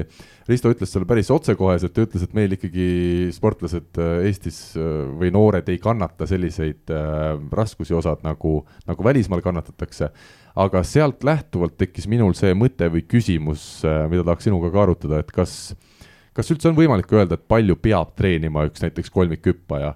minule üha enam tundub ikkagi nii, et inimesed on nii erinevad, et, et ei olegi võimalik öelda, et näed, see on just õige, et nii palju peab treenima või, või naa palju peab teen, treenima, et pigem peab vaatama, mis sellele antud inimesele sobib, palju tema võib treenida ja, ja mis teda paremaks viib.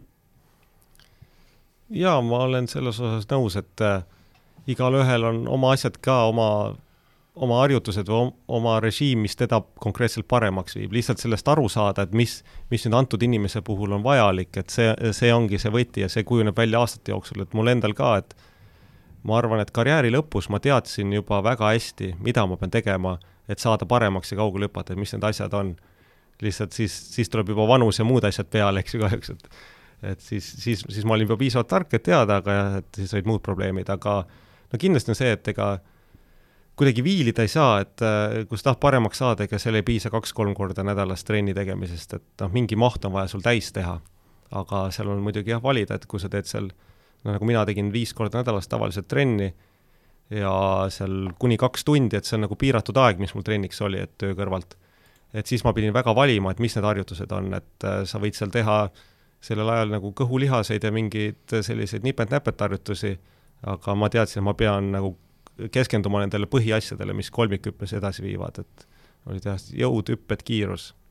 tuleme tagasi siinkohal sinu treenerite juurde ja võtame nüüd siis ema Maie ette, milline treener tema on? no tema ise on ka kaugushüppe ja sellise tõkkejooksja taustaga, et siis tema aitas meid nende aladega ja tehnikaga, et noh, et ta oli kergejõustikus ka, ega ma ainult ei teinud siis kolmik- ja kaugushüpet, et tegelesin ka, ka muude aladega, et sai tõkkeid joosta, et see samamoodi nagu arendab osavust ja niimoodi, et et Maie on selline hea igapäeva nokitseja ja edasiviija just, et süstemaatiliselt neid alu, alasid arendada. kui tähtis on perekonna tugi, sa oled ühes intervjuus öelnud, et, et kas või see, kui sul oli silmside tiitlivõistlustel isa ja, ja emaga, et see oli juba, andis nii palju juurde? jaa, perekonna ja treeneri tugi on väga tähtis ja noh, trennis ka, et sa näed, et treener usub sinusse, eks ju, ise usud, pere toetab, et see on ülivajalik, et endal võib neid momente olla, kus sa lööd natuke kõhklema või sul on, paratamatult tuleb ette neid päevi, kus on raske lihtsalt. tee, mis tahad, lihtsalt trennis nagu ei tule hästi välja, aga sa pead seda nagu läbi push ima. ja kui sul on see tugi taga, siis sellest on kõvasti abi ja noh, võistlustel on jah, selline, et sa oled seal võistlusareenil suhteliselt üksinda, eks ju, teiste vastu ja selline tähtis hetk ja siis sul tekib nagu selline silmside, sa näed, et seal tribüünil on keegi, kes sind toetab, see tekitab sellise hea mõnusa tunde, et sa ei ole seal päris omapäid. kuidas abikaasaga palju kodus õhtuti arutati neid teemasid, et Jaanus, et sa käid tööl ja, ja hüppad veel õhtul kolmikut trennis ja et natuke oleks vaja rohkem aega perele ka keskenduda või, või sa suutsid seda aega ikkagi leida või? no abikaasa tunnustuseks pean ütlema, et tema toetas mind küll sajaprotsendiliselt, et tema oli minu kõige suurem fänn ja selliseid jutuajamisi nagu ette ei, ei tulnud, et kus ta oleks öelnud, et kuule, sa peaksid rohkem kodus olema, et ma arvan, see tuli mul endal loomulikult, et kui mul oli esimene, noh, esimene laps sündis tütar, et siis, siis hakkad juba ise tundma, et pagan, ma olen üheksast viieni tööl, siis ma lähen trenni, kuskil kell kuus hakkab trenn, eks ju, ja siis jõuad koju, sealt sõit, sõitmisega koos, võib-olla kell kaheksa oled kodus, et siis ongi juba lapsel varsti aeg magama minna, et siis endal tekkis selline äh, kerge süümekas ja, ja tunned, et, äh, ja hakkad mõtlema, et kas see, mis ma teen, et kas see on ikkagi nagu päris õige asi. aga oli? mingi ajani oli jah, et kui sa, kui ma nägin, et nagu oli arengu, oli potentsiaali, siis see oli, oli väga õige asi ja see oli õigustatud. aga kui sa juba näed, et noh, et vanust on piisavalt, et et realistlikult mõttes, et kas siit tuleb veel mingit edasiminekut ja kas ma sellest asjast nii palju rõõmu tunnen, siis kui sellised mõtted pähe tuli, siis oligi nagu märk sellest, et nüüd oleks aeg võib-olla lõpetada. Tuleme nüüd äh, treeningspetsiifika juurde, kumb ala sulle endale rohkem sobis, kas kaugushüpe või kolmikhüpe? raske öelda, tegelikult äh, nad meeldisid ja sobisid mõlemad mulle, et kolmikhüppes kindlasti see tulemus, mis ma saavutasin on, on parem, eks, et neid äh, kaugushüppes, mis mul oli seitse kaheksakümmend seitse, noh, isegi kui oleks kaheksa meetrit hüpanud, neid kaheksa meetri hüppajaid on iga hooaeg jalaga segada, et see ei ole nagu, Eesti mõttes ta on eriline tulemus, aga Euroopa ja maailma mõist-, maailma mõttes on ta täitsa tavaline, et noh, et kolmikhüppes ja seitseteist meetrit on minu jaoks ikkagi erilisem. aga kumb nauditavam ala oli? kas olla heas vormis ja hüpata kaugust või olla heas vormis ja hüpata kolmikut? sõltus, kumb paremini välja tuli, et ma tihti võistlesin ju Eesti meistrivõistlustel või üldse nagu mõlemal alal, et äh, kord tuli üks välja, kord teine ja raske oli ka ennustada, et kumb see antud võistluste raames paremini välja tuleb, et see, mis välja tuli, see muidugi pakkus suuremat naudingut. kumb ala raskem on, kas ikkagi kolmikhüpe äh,? kindlasti kolmikhüpe. Et eriti, kui sul on nagu selline viletsam päev või mingi kerge häda kallal, siis sinna kolmikhüppes sa tead, et sa pead selle kolm, kolm hüpet seal vastu pidama, eks ju. kaugushüppes noh, jooksed peale, paned ühe korra jala maha ja maandud juba pehme liiva sisse, et kõik noh, lihtsalt võib-olla sa ei hüppa nii kaugele, aga aga sul ei ole seda ohtu, et sul kuskil lööb mingi suur valu läbi. Kas ma olen, Jaanus, õigesti saanud äh, aru sinu ja isa Jaagu tehnikat hinnates, et te olite ikkagi üsna erinevad hüppajad, et äh, isa oligi selline väga kerge ülakehaga, väga niisugune heas mõttes lennukas tüüp, sina olid ülakeha, nagu sa vist ütlesid, et see oli sul juba loomu poolest selline natukene võimsam ja seetõttu sa pidid hüppama teistmoodi. Võima-, võimalik, et ma eksin kõvasti võib-olla natukene, et noh, isaga võrreldes jah, võib-olla mul on natukene tugevam ülakeha, aga ma olin siiski, siiamaani olen suhteliselt kerge mees, et palju sul võistluskaal oli? Äh, ma olin meeter üheksakümmend üks pikk, võistluste ajal kaalusin kuskil seal äh, alla kaheksakümne kilo, noh et ma ei olnud mingisugune selline jõumees seal hüpperajal. aga tehnika mõttes jah, ma olin piisavalt erinevad, et osaliselt selle tõttu, et isa jõudis sinna kolmikhüppe juurde suhteliselt hilja. Et siis tal see tehnika ei olnud äh, nii hea, noh, mõned asjad ta tegi ikkagi väga hästi ära, et tema äh, tema esimene-teine samm olid väga hea, aga ütleme, maandumise ajal jah, tal jäi suur varu sisse, kui vaadata tema paremaid hüppeid, et see ise vaatad, hoiad peast kinni, noh et sealt oleks mingi kolmkümmend sentimeetrit rahulikult saanud välja võtta, kui oleks normaalse maandumise teinud, et kuna mina hakkasin varem tegelema kolmikhüppega, siis see nagu kujunes mul välja teistmoodi see tehnika jah, et äh, mul oli päris hea teine samm ja väga hea maandumine räägime sellest isatehnikast siis, äh, mida ta seal esimese kahe sammu jooksul hästi tegi, ma saan aru, et see ikka algab sellest, et tal oli peale jooksu oli juba hea?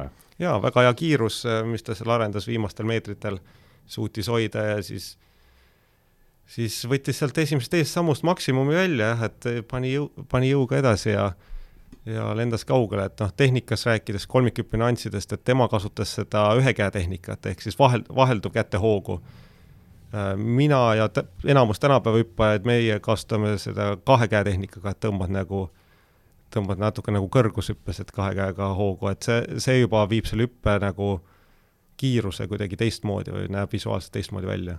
kummal ilusam hüpe on? Isal, tema hüppas kaugemale kolmikhüppes äh, hinnatakse ikkagi lõpuks see, et äh, kui kaugele sa lendad. lihtsalt noh, see tehnika ja see aitab sul sinna kaugele minna, aga päeva lõpus või kui mõõdetakse, siis loeb ainult see, kus kohas sa seal maandud, et sa võid ju öelda, et oh, ta hüppab koledalt ja ja näide see Briti kolmikhüppaja Idovu, kes, kes ka väga pikk ja jõuline ja noh, tema puhul esimesed kaks sammu mõnikord vaatasid, et hakkab juba sinna kasti maanduma ja siis see maandumine mis ta seal kolmandal tuli, seal tihtilugu nagu lagunes see asi näiliselt ära, aga noh, kuna ta hüppas nii kaugele nagu hüppas, et see oligi tema stiil. mis siis sinu äh, hüppetugevuse, kuidas see väljendus, see teine samm ja, ja maandumine ja, ja miks just need olid sinu tugevused?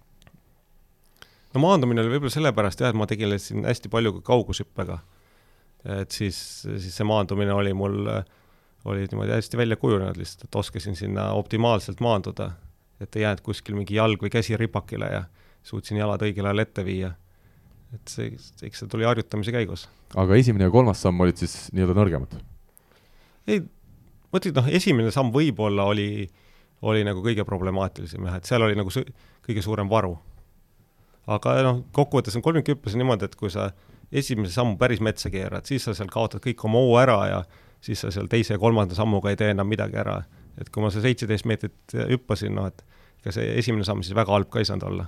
ma olen sinuga täiesti nõus. Äh, kuidas sa üritasid oma nii-öelda nõrkusi lihvida ja, ja mis sul siis need sellised kõige suuremad probleemid olid karjääri jooksul just tehniliselt? ega tegelikult tehnika taha nagu mul asi ei jäänud, et äh, pigem oli jah selle taha, et, et püsida terve. kui sa oled terve, siis on nagu lihtne hüpata ka. Et kui sul on mingisugune probleem kuskil, vigastus ja niimoodi, siis sa alateadlikult hakkad seda ennast hoidma ja kaitsma ja paned selle jala imelikult maha. ja mis tekitab omakorda veel rohkem probleeme. et tähtis oli see, et terve püsida, et see tehnika, noh, ma ei mäleta, et sellega oleks erilisi probleeme olnud või sellega nagu vaeva näinud oleksitest, äh, ma ei tea, palju sa tahad rääkida, aga kui sa oleks saanud teha karjääri suures osas ilma probleemideta, terviseprobleemideta, seitseteist pool oleks olnud selline tulemus, mis võinuks olla sinu selline siis lagi või? no seda on, seda on nii kuidagi imelik öelda või noh, ei, ei, ei tea, eks ju. et äh, noh vaadates isegi, et palju ma hüppasin, seitseteist null kuus, et noh, loomulikult seal oli varu, et hüpata veel natukene rohkem, et noh, kes teab, kui palju, aga noh, see, see ei maksa mitte midagi, et et neid, kes, sportlasi, kes on, oleks võinud veel kaugemale hüpata, kui oleks terved püsinud ja treeninud, et neid on ju palju, et noh, nagu ma ütlesin, igaüks oskab treenida, et see ei ole mingi kunst, et see on vaja kõik kokku panna, et ma nagu sellele üldse ei mõtle, ei keskendu, et kui palju ma oleks võinud veel hüpata või nii, et hüppasin nii palju, kui hüppasin ja see oli reaalsus Jaanus, palju te olete kodus vaadanud äh, Jaagu olümpiavõidu toonud äh, hüpet seitseteist kolmkümmend viis? Äh, seda oleme vaadanud, kui on olnud jah, siin isa olümpiavõidu aastapäev, et siis oled lastele näidanud või mõnikord on ka ETV-s või kuskil spordisaates see tulnud, siis ikka kutsud vaatama ja küsid laste käest, et kas te teate, kes, kes see on nüüd nad loomulikult teavad. Kas Jaak teeb ise nalja ka sellistel hetkedel, kui, kui tulebki telekast näiteks temaga, temaga seoses mõni video või vaatate seda siis ise? ei, nalja ei tee, noh, tal ju endale meeldib ka seda meenutada, et see on tore sündmus selge. Äh, kui sina ülikoolis käisid, äh, ütleme tänaseks juba siis vaata et paarkümmend aastat tagasi, siis ei olnud nutitelefoni, kus oleks saanud äh, sekund pärast hüppe tegemist saata kodustele videot, näed, täna tegin trennis nii või naa. Kuidas tol hetkel see suhtlus käis, kas vanemad näiteks, kes ju treenerite, treeneritele kindlasti väga huvitusid sellest, kuidas ja, ja mil moel sa Ameerikas hüppad, kas nad nägid üldse sinu hüppeid? see on tegelikult hea point jah, et äh, nemad neid hüppeid ei näinud, et äh, treener ise filmis need üles, noh, nii trennis kui võistlustel, et mul endal oli väga hea ülevaade, et kuidas hüppasin ja analüüsisime tehnikat äh, ja kõiki hüppeid väga põhjalikult pärast, aga sellist asja, et jah, et oleks saanud nagu saata lihtsalt vanematele nagu video, et, et, et si-, siin on, eks ju, vaadake ka, sellist asja ei olnud jah. et äh, nüüd äh, ma võtsin, kui ma Eestisse tulin, võtsin need kaasa nagu CD-plaadi peal, need hüpped, nii et nad said seda hiljem näha, aga sellist vahetut tagasiside võimalust ei olnud. nii et kui äh, tavaliselt vanemad vaatasid, kuidas laps on kasvanud või muutunud selle aasta jooksul, mil vanemad pole näinud, siis äh, Maie ja, ja Jaak ootasid huviga neid CD-sid, et saaks vaadata, palju see hüpe on muutunud ja. jah, no see on juba tagantjärgi värk ka, et nemad vaatasid ikka pigem seda, et mis need tulemused tulid, et, et see number luges, et et see tehnikaanalüüs, see jäi seal minu ülikooli treeneri õlgadele kas Jaak ja Maie olid kriitilised ka, kui midagi sul välja ei tulnud või on nad alati olnud pigem sellised toetavad treenerid? pigem ikkagi toetavad, et nad on nagu positiivsed ja toetavad, samas see on jah, see on huvitav dünaamika, et sul on nagu õpilase ja õpetaja vaheline suhe, siis on nagu vanemate vahel ka, et et see on natuke teistmoodi. et äh, nii nende poolt äh, minule kui, kui minu poolt vastu ka, et kui sul on nagu nii-öelda võõras inimene, on su treener, siis see suhe on teistmoodi, et et noh, mõnikord ikka lööb see frustratsioon välja nii, nii neil kui, kui minul, eks ju, et noh, et kõik ju tahavad, et hästi läheks ja kui ei lähe, siis siis ei ole mitte üldse otsest üksteise süüdistamist, aga noh, tekib selline heas mõttes konflikt räägime trenni rekorditest ka, rebimine, rinnalevõtt, kükk, äh, jõutõmme, mida sa peamiselt jõusaalis esiteks tegid ja millised siis need maksimumnumbrid olid? no jõusaalis tegin jah asju, mis aitavad, eks ju, kolmik- ja kaugushüppes kaugele hüpata, et äh, seal kükid, rinnalevõtt, rebimist, need olid jah need põhiasjad. aga ma ei ole kunagi jõusaalis väga tugev olnud et võib-olla kõige parem asi, mis, mis ma tegin, oli see ühe jalaga karbi peale, kasti peale astumine kank seljas. et see on see liigutus, mis on nagu selline äratõuke imiteeriv ja imitatsioon jah, et ühe jala peal pead seal tasakaalu hoidma niimoodi, et see oli mul võib-olla kõige tugevam, mis ma tegin seal. et seal ma tegin seeriaid mingi saja kahekümne, saja neljakümne kiloga et äh, KÜK-i puhul näiteks mul oli ka see asi, et äh, kehakuju oli selline ja selge, et ma ei saanud nagu väga suuri raskusi teha või väga sügaval lasta, et alaselga andis tunda, et siis ma tegingi vastavalt vaja, noh, vastavalt võimetele tegin lihtsalt suurema arv kordi, võib-olla natuke väiksemate raskustega ja ütlen ka, et rinnalevõtus ma seal, rekord jäigi sinna vist kuskil saja viie kilo juurde või niimoodi, et need, need ei ole mingid erilised numbrid, eks ju. aga see see ei olnudki nagu eesmärk omaette, et ma teadsin, kus ma alustasin, eks ju, et minu jaoks oli tähtis see, et ma saaks paremaks ja tegin neid asju ka nagu plahvatuse peale, kiiruse peale. Äh, hüpete rekordid, paigalt kaugus, paigalt kolmik? nii, las ma mõtlen, kaugushüpe paigalt äh, kuskilt oleks pidanud treeningpäevikust järgi vaatama, ma arvan, et mul see jäi kuskil sinna kolm, kolmekümne juurde, et see oli sealkandis ja kolmik oli äh, nüüd jään vastuse võlgu, ma arvan, et kuskil, no kindlasti oli kümme meetrit täis, aga ta võis olla kümme, kakskümmend midagi. nii et hüppeid sa tegid siis, ma järeldan siit ikkagi päris palju treenides? et sul see pool oli siis see nii-öelda tugevam pool äkki? jaa, hüppeid tegin nii palju kui võimalik, et nii palju, kui nagu keha ja te tervis lubas, et see oli see põhiasi ikkagi, et sellega see kinnistub, see hüppeliigutus, see tehnika, et see on põhiasi, aga noh, jõudu peab ka juurde tegema, et seal teatud tasemest alates sul peab olema ka seda lihtsalt lihas, lihasjõudu toorest nagu. kes teil paigalt kauguses ja palju, paigalt kolmikus perekonnarekordi omanikud on, olete te seda pidanud järge ka? seda ei ole nii väga, sest see on, noh, see on selline kõrvalala. see, et sa hüppad pa-, paigalt kaugust seal kolm pool meetrit, see ei tähenda, et sa kaugust hüppes, hüppes üldse jõuad midagi hüpata, sest et äh, üks on kahe jala pealt tõuge ja teine on ühe jala pealt ja kiiruste pealt, et see nagu ei ole eesmärk omaette, et ausalt öeldes ma ei teagi, palju mu isa on seda hüpanud ja ta kordagi nagu ei, ei tõinud, ei toonud seda esile ka, et see, see on, see on lihtsalt, sa võistled või noh, teed seda enda jaoks. kuuli jänni tegite, oli see tähtis? seda tegime jah, et see oli võib-olla väiksena eriti, isa nagu hoidis meid kangist ja jõutreeningust eemal. et lasta sellist loomulikku arengut juhtuda, et siis tegime jah, seal kuuli enne pigem, et see on selline kergem asi. Millal sina üldse siis ütleme, jõusaali tõsisemalt läksid, mis see vanus võis olla? kuskil keskkool ja? ja, ja keskkooli lõpus, et see oli vist siis, kui ma olin, ma arvan, ikka seitseteist, kaheksateist, siis ma hakkasin üldse nagu tegema seal rohkem ja noh, siis kui ülikooli läksin, sest Ameerikas on see jõusaali pool, see on see nagu, nagu väga rõhuvad sellele jõu peale üldse, et siis ma hakkasin päris kõvasti tegema ja see oli natukene minu jaoks see, see, see koht, kus ma alguses kõvasti pidin vaeva nägema, et teistele järgi jõuda ja seal üldse aru saada, mis toimub.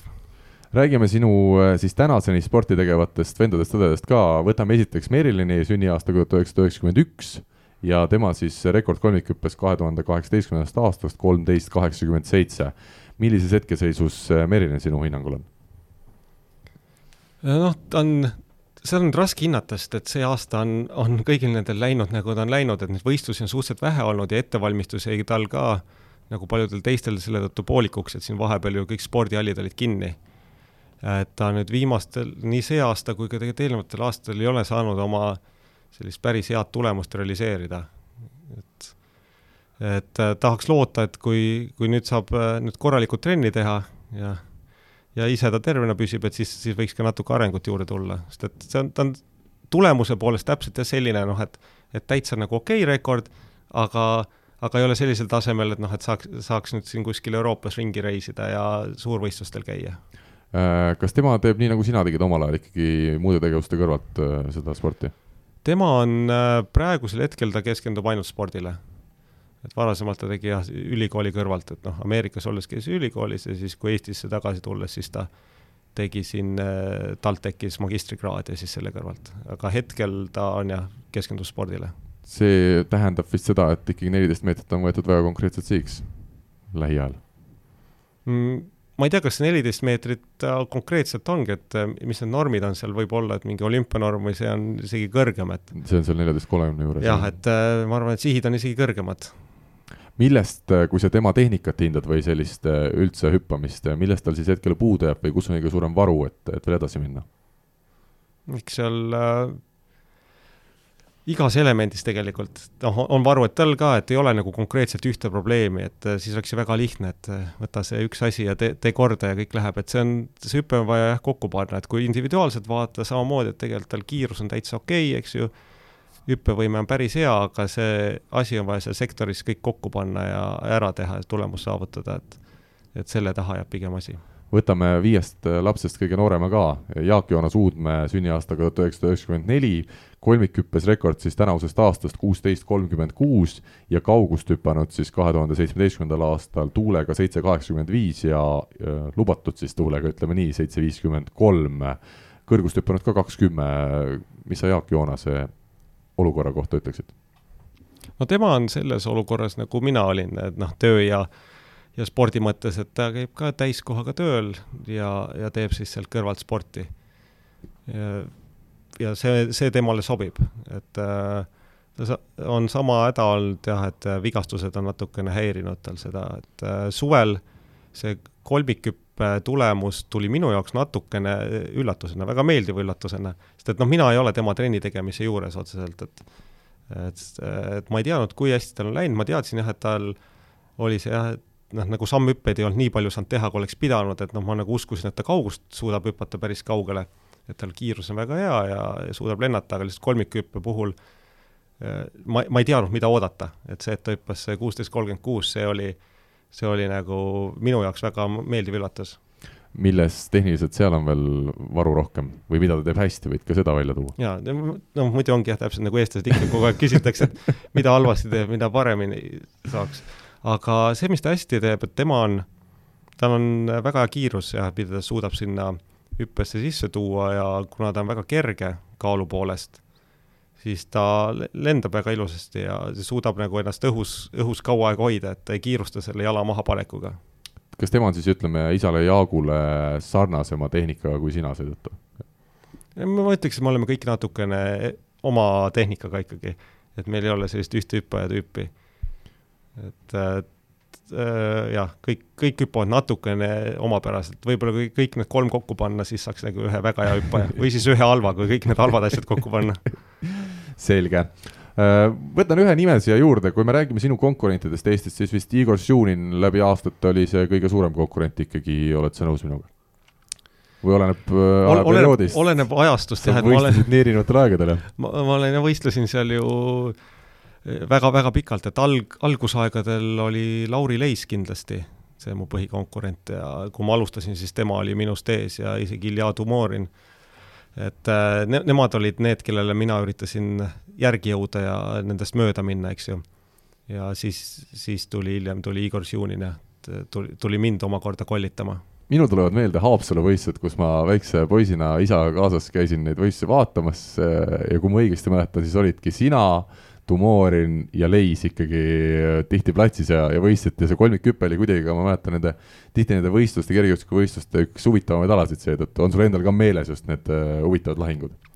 jaa, kindlasti on, noh tol hetkel kindlasti mina olin uh, neist kõige nõrgema rekordiga, et nemad olid siis siiski tegijad, kes hüppasid üle kuueteist meetri. Ja mina olin see, see mees, kes üritas kuueteist peale saada, aga see oli jah, väga põnev ja selline sisemine konkurents kindlasti viib edasi et äh, see sunnib rohkem pingutama ja kõigil on nagu lõbusam võistelda ja publikul, nagu sa ütlesid, on samamoodi seda äge vaadata ja nad elavad rohkem kaasa, mis omakorda innustab sportlasi. ma arvan, et suvel, kui seal Eesti meistrivõistlustel Jaak Joonas äh, võistles ka Igor Žunini vastu, siis äh, samamoodi neil tekkis see konkurents, ehk kes keda ja see viis mõlema tulemuse võib-olla sinnamaani, kus nad muidu üksinda võisteldes poleks jõudnud. et selles suhtes sul ikkagi vedas, et sul oli see Leis, sul oli see Tumorin, sul oli see Šunin siis hiljem, kellega koos sul ikkagi reeglina oligi päris põnev seal Eesti meistrivõistluste esikoha nimel see võitlus? absoluutselt, sest et mina ei ole sellist tüüpi sportlane, kes nagu suudaks üksinda ja ja nii-öelda mingil suvalisel võistlusel ennast kokku võtta, et ma olen ikka omad parimad tulemused teinud just sellise noh, nagu suurel areenil, areenil tugevas konkurentsis, kus asjad nagu loevad selles mõttes, et, et sellel tulemusel on mingisugune mõte, et kui sa hästi esined, siis see on midagi väärt. no sinu isa Jaak on juba öelnud, et, et eks temagi sattus sinna kolmikhüppe radadele ühtpidi seetõttu, et talle sobis see kergejõustikaalades kõige rohkem, teisalt aga seepärast, et seal oli nii vähe osalejaid juba nõukogude ajal, et alati sai mingi diplomi kätte. Äh, miks on siis kolmikhüpe ikkagi ala, mille juurde jõuavad vähed inimesed, vähesed inimesed, kas see ala keerukus on, on see lihtne vastus või on seal mingeid muid põhjuseid veel? no kindlasti jah, et ta on äh, raske ala, et ta on tehniliselt keeruline ja ta on ka kehale väga raske. et äh, juba see, et sa pead hüppama kolmteist meetrit, kui sa tahad seal meeste konkurentsis võistelda, et sa üldse liivakasti jõuaks, et see paneb äh, väga konkreetse piiri paika. et siin Eesti meistrivõistlustelgi on äh, on seal nooremate võistlejate hulgas, kes tulevad sinna meesteklassi, et teinekord on selline päris ärevad loterii, olukorrad. ärevad olukorrad jah, et, et teeb oma nii-öelda nii närvikõdi on, et kas ta nüüd maandub ja kas ta maandub siis sinna raja peale kas või isegi sina, kes sa tol hetkel oled sealsamas hüppesektoris ja mm. valisid oma katseks, sa natuke elad kaasa, et tuleks see hüpe nüüd ikkagi kolmteist meetrit täis ja maanduks ilusti kasti? ei, ausalt öeldes sel hetkel, kui, kui mina veel võistlesin ja siis ma selliseid hüppeid ei tahtnud vaadata mm. -hmm. sest et äh, see tekitab sellise negatiivse fooni ikkagi tegelikult või noh, sa, sa tahad visualiseerida ja näha head, head sooritust mm. ja see hea sooritus siis minul aitas paremini toimetada. aga nüüd lihtsalt võistlusi käia vaatamas, see on nagu omamoodi jah, selline ekstreemsport nagu, et vaadata, et see paneb jah, kolmikhüppele nagu piirid, et, et eriti kui inimesel on veel valida siis, et kas ta hakkab nüüd keskenduma rohkem kolmikhüppele või kaugushüppele, siis see valik võib-olla tehakse siis kaugushüppe kasuks, et kolmikhüppel on jah, ta, ta on, ta on raskem natukene. me oleme erinevatest kolmikhüpetest täna juba rääkinud erinevates saate osades, aga kas sul endal oli ka keegi selline lemmik siis äh, hüppestiili poolest, isiku poolest, äh, keda sa tahaksid siin veel saate lõpuosas välja mhm. tuua?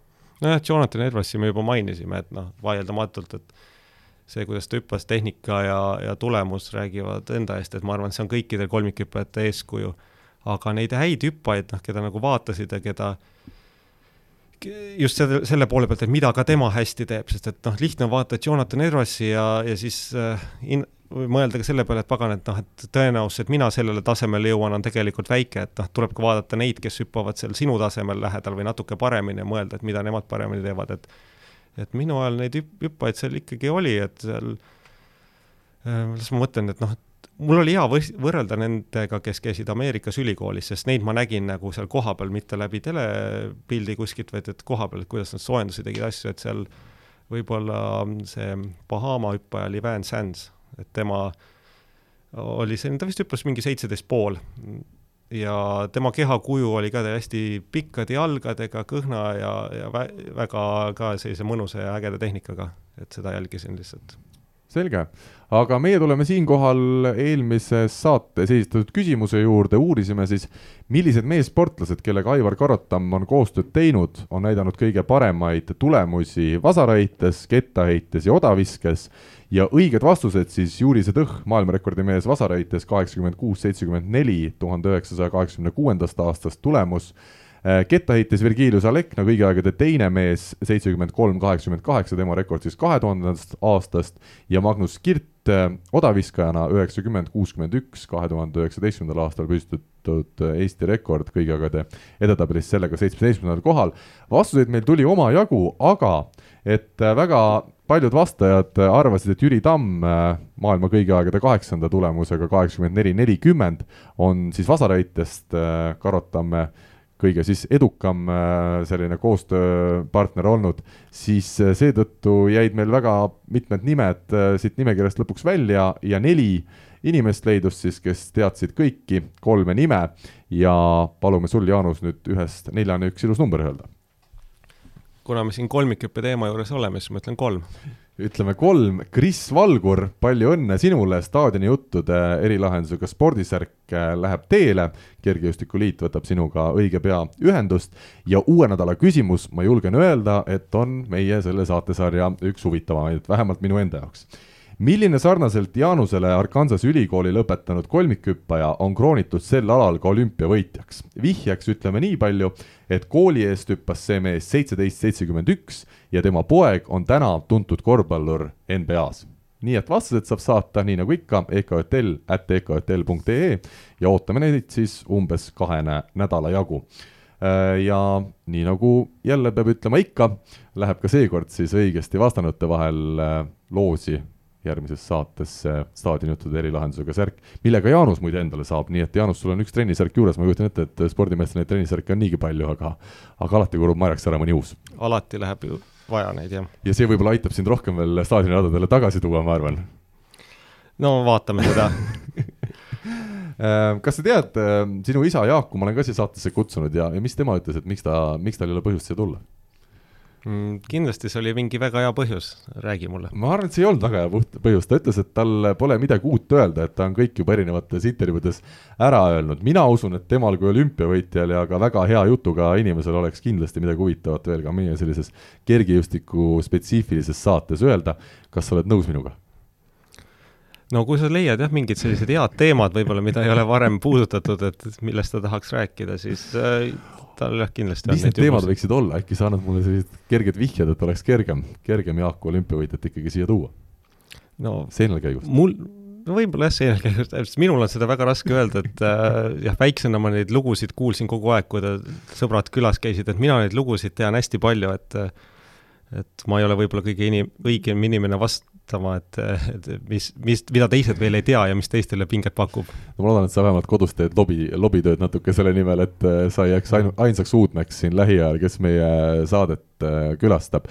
Jaanus, suur aitäh sulle saatesse tulemast, sinuga oli äärmiselt meeldiv äh, vestelda ja, ja ma loodan, et sul läheb edasises elus kõik täpselt nii, nagu minema peab ja, ja see tähendab, et hästi. suur tänu ja suur tänu kutsumast! kõigile kuulajatele ütleme kohtumiseni kahe nädala pärast tähelepanu, kergejõustik on spordiala, mida harrastades võib enesetunne tunduvalt paraneda. enne trenni minemist pidage nõu sõbra ja treeneriga. kohtumiseni staadionil